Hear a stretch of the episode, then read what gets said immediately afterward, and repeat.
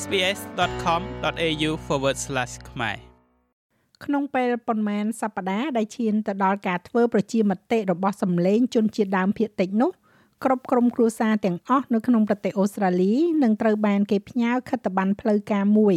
ដោយកំណត់អំពីអំណះអំណាងសម្រាប់ទាំងករណីគ្រប់គ្រង yes និងករណីប្រឆាំង no ប៉ុន្តែប្រជាជនអូស្ត្រាលីកំពុងត្រូវបានគេព្រមានថាឯកសារនេះអាចមានការអះអាងបំភ្លើសឬក៏ភូតកុហកខ្លះៗខត្តប័ណ្ណគឺជាផ្នែកកណ្ដាលមួយនៃដំណើរការធ្វើប្រជាមតិរបស់ប្រទេសអូស្ត្រាលីអស់រយៈពេលជាង100ឆ្នាំមកហើយ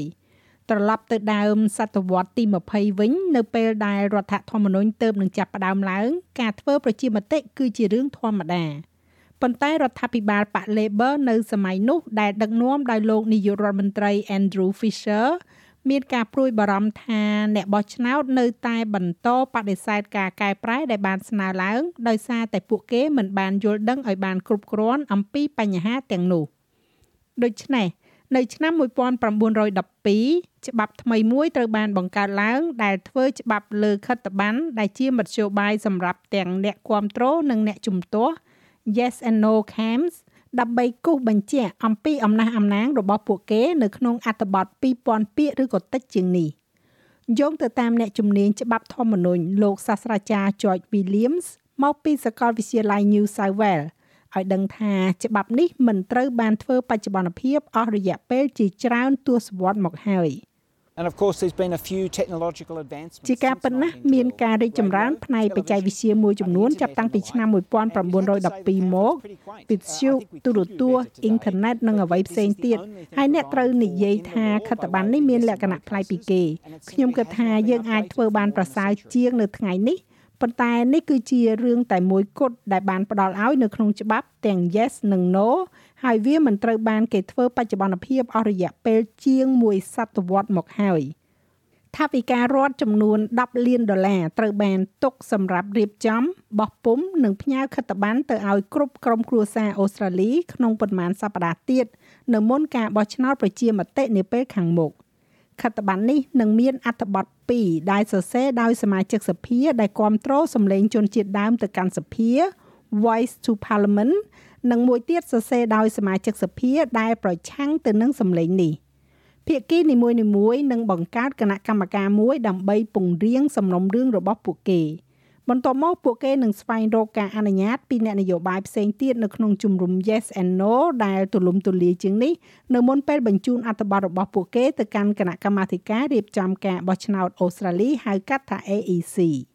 AEC មានទំនួលខុសត្រូវក្នុងការចងក្រងអត្ថបទនេះឲ្យទៅជាខិត្តប័ណ្ណនិងចែកចាយឯកសារនេះដល់សាធារណជនអូស្ត្រាលី ប៉ុន្តែស្នងការបោះឆ្នោតលោក Tom Roger និយាយថា អង្គភាពនេះនឹងមិនធ្វើការផ្លាស់ប្ដូរណាមួយចំពោះពាក្យពេចន៍នោះទេ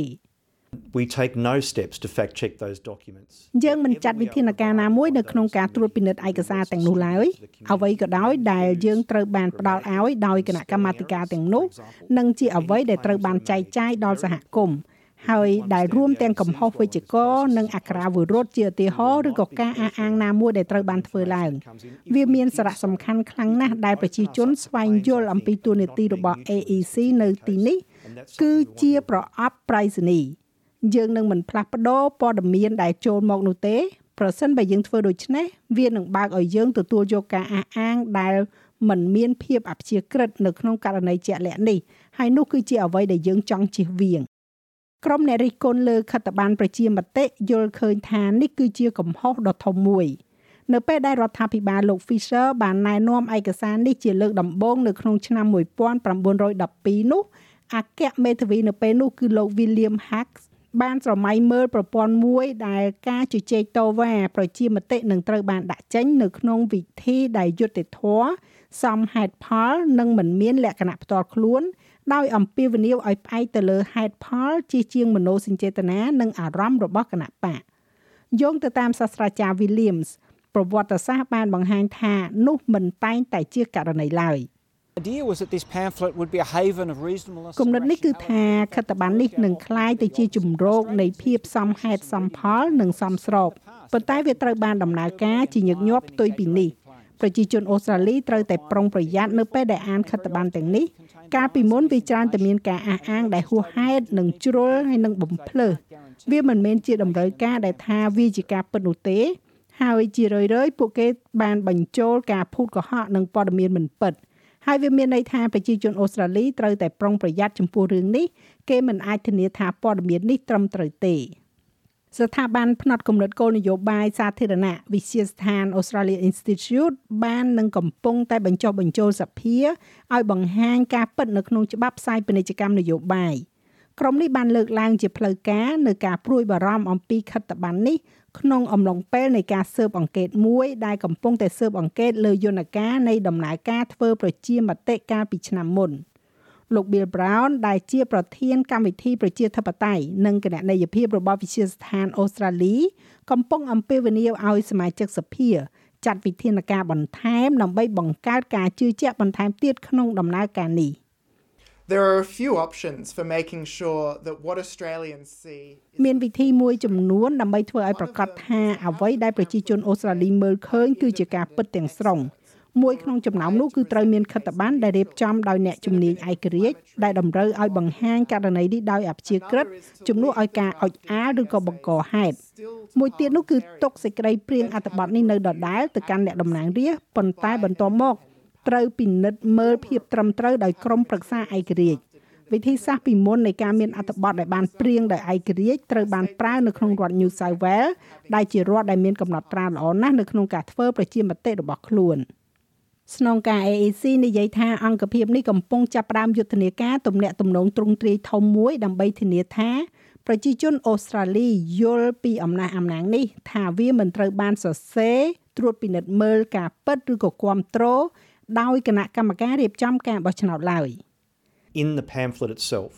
we will have a message to នៅក្នុងខិត្តប័ណ្ណនោះយើងនឹងមានសារមួយអំពីឥទ្ធិពលនោះដើម្បីឲ្យប្រជាជនយល់ថាព័ត៌មានដែលមកពីករណី yes and no ត្រូវបានផ្ដល់ដោយអ្នកតំណាងរាស្ត្រទាំងនោះហើយមិនត្រូវបានផ្ដល់ដោយ AAC ទេខ្ញុំមិននិយាយថាអ្វីទាំងអស់នោះដើម្បីជាការរិះគន់ឬសន្មត់ថានឹងមានបញ្ហាជាមួយនឹងករណី yes ឬក៏ no នោះទេប៉ុន្តែគ្រាន់តែដើម្បីធានាថា ប្រជាជនយល់ពីទួលនីតិរបស់ AEC ប្រជាជនអូស្ត្រាលីនឹងទទួលបាននៅខិត្តប័ណ្ណនេះមិនឲ្យយឺតជាង2សប្តាហ៍មុនការបោះឆ្នោតប្រជាមតិនេះទេឯកសារនេះក៏នឹងត្រូវបានបកប្រែជាជាង50ភាសារួមទាំងភាសាប្រជាជនដើមដំបូង First Nations ប្រហែលជា20ភាសាផងដែរ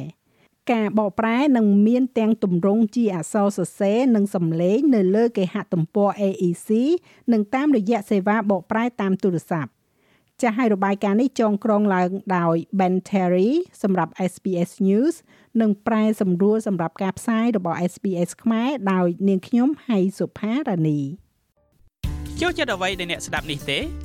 Subscribe SBS ខ្មែរនៅលើ Podcast Player ដែលលោកអ្នកចូលចិត្ត